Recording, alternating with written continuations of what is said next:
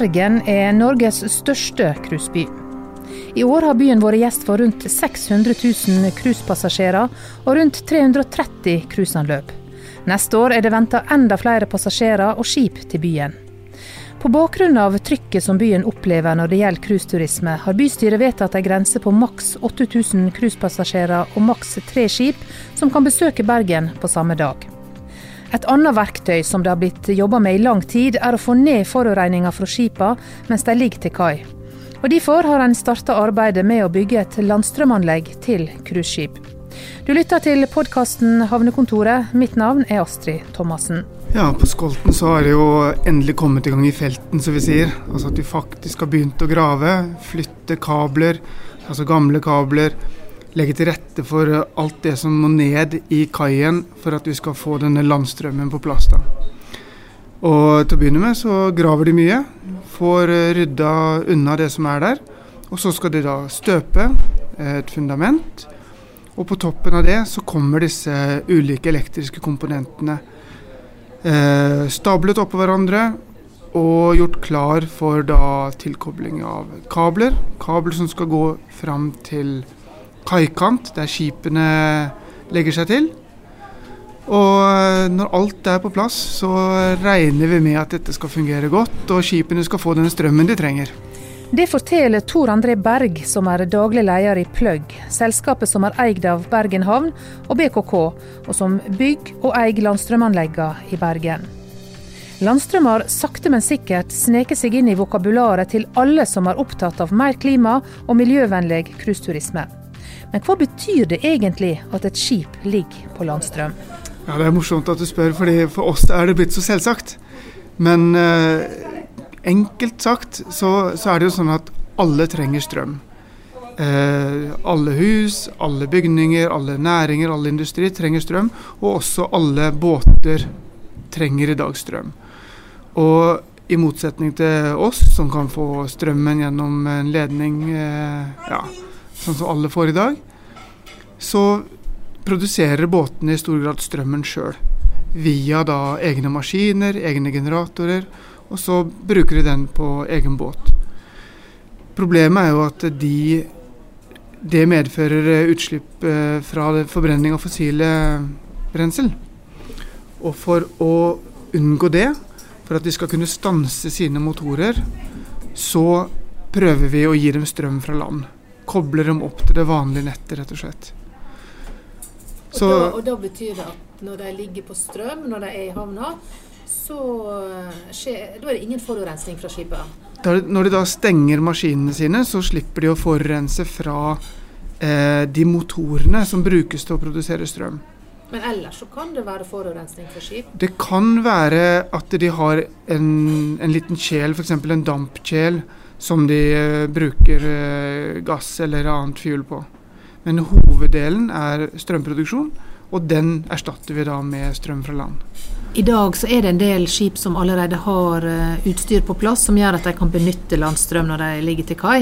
Men det er ikke alle skip som, som har dette. Og hvor stor prosess er det for et skip å tilrettelegge for å kunne ta, ta imot strøm fra land?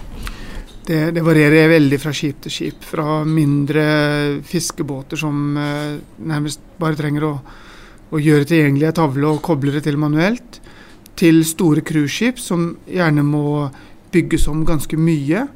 Eh, finne arealer å plassere tilkoblingspunktene på. Finne veier å gå med kabler fra sentral tavle og ut til skuteside. Så det, for noen eldre skip som må bygges om, så kan det være ganske store, store oppgaver, som de da typisk tar når de uansett er på revisjon sånn annethvert tredje hvert år. Landstrøm for cruiseskip er på mange måter upløyd mark i Europa. Det er i dag ikke mange havner som tilbyr landstrøm til cruiseskip. I Norge var Kristiansand først ute, og nå er det Bergen sin tur. Eh, landstrøm til cruise, som er typisk de største båtene som kan ta landstrøm, det er cruisebåter. Eh, det, det er jo nesten ingenting av i Europa fra før. Det finnes i Nord-Amerika, men der er det enklere anlegg fordi de bruker en annen frekvens, samme frekvens som cruiseskipene.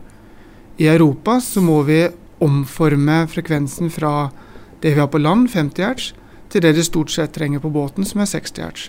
Og det krever en mye, mye større og mer krevende anlegg.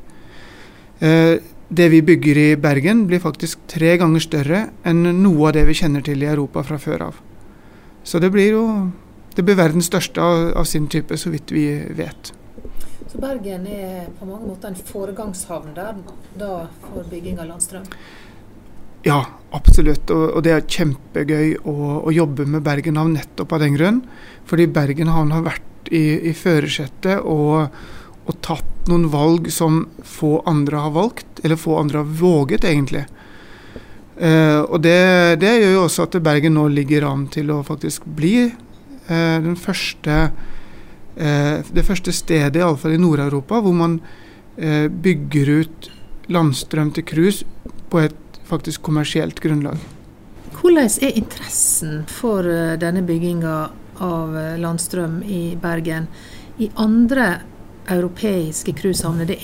Altså Bergen er jo en den største cruisebyen i Norge, men vi blir jo liten eh, hvis du måler med Barcelona, Venezia, Palma, disse, disse havnene som virkelig har, eh, har stort trøkk fra cruiseskip eh, i sine havner.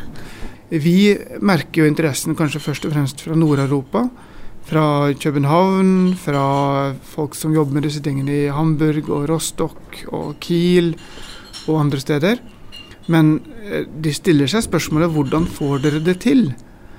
Og eh, ja, mitt svar er at det handler mye om vilje. Det at eh, Bergen havn har gått foran og sagt hvordan skal vi få det til, og ikke spurt hvordan, eller om vi får det til, eller hvordan i all verden skal vi få det til. Vi skal gjøre det, og, og finner løsninger underveis. Dette her er jo et pionerprosjekt for Plugg, dette som skjer i Bergen. Men dere har vel ambisjoner om å eh, få til dette også i andre havner? Absolutt. Det er eh, Altså Bergen går foran, men vi ser jo det at det vi lærer gjennom samarbeidet med Bergen havn, gjennom det å bygge den type anlegg, krevende anlegg i, i Bergen, det er noe vi kan nyttiggjøre andre steder. Og det er bra. Det er bra for eh, klimaet at tempoet økes og, og, det kommer flere havner med landstrøm. Og det er bra for eh, oss, som jo kan bruke de, det vi har lært og de ressursene vi har Eller få gjenbrukt noe av de ressursene vi har satsa på dette her. Og det er bra for Bergen havn også. For når andre havner tilbyr landstrøm, så blir det mer attraktivt for rederiene å bygge om båtene til landstrøm. Og det betyr også større etterspørsel etter landstrøm i Bergen og mindre forurensning i Bergen. Så det å dra i gang denne, denne gode sirkelen, det er kjempeviktig.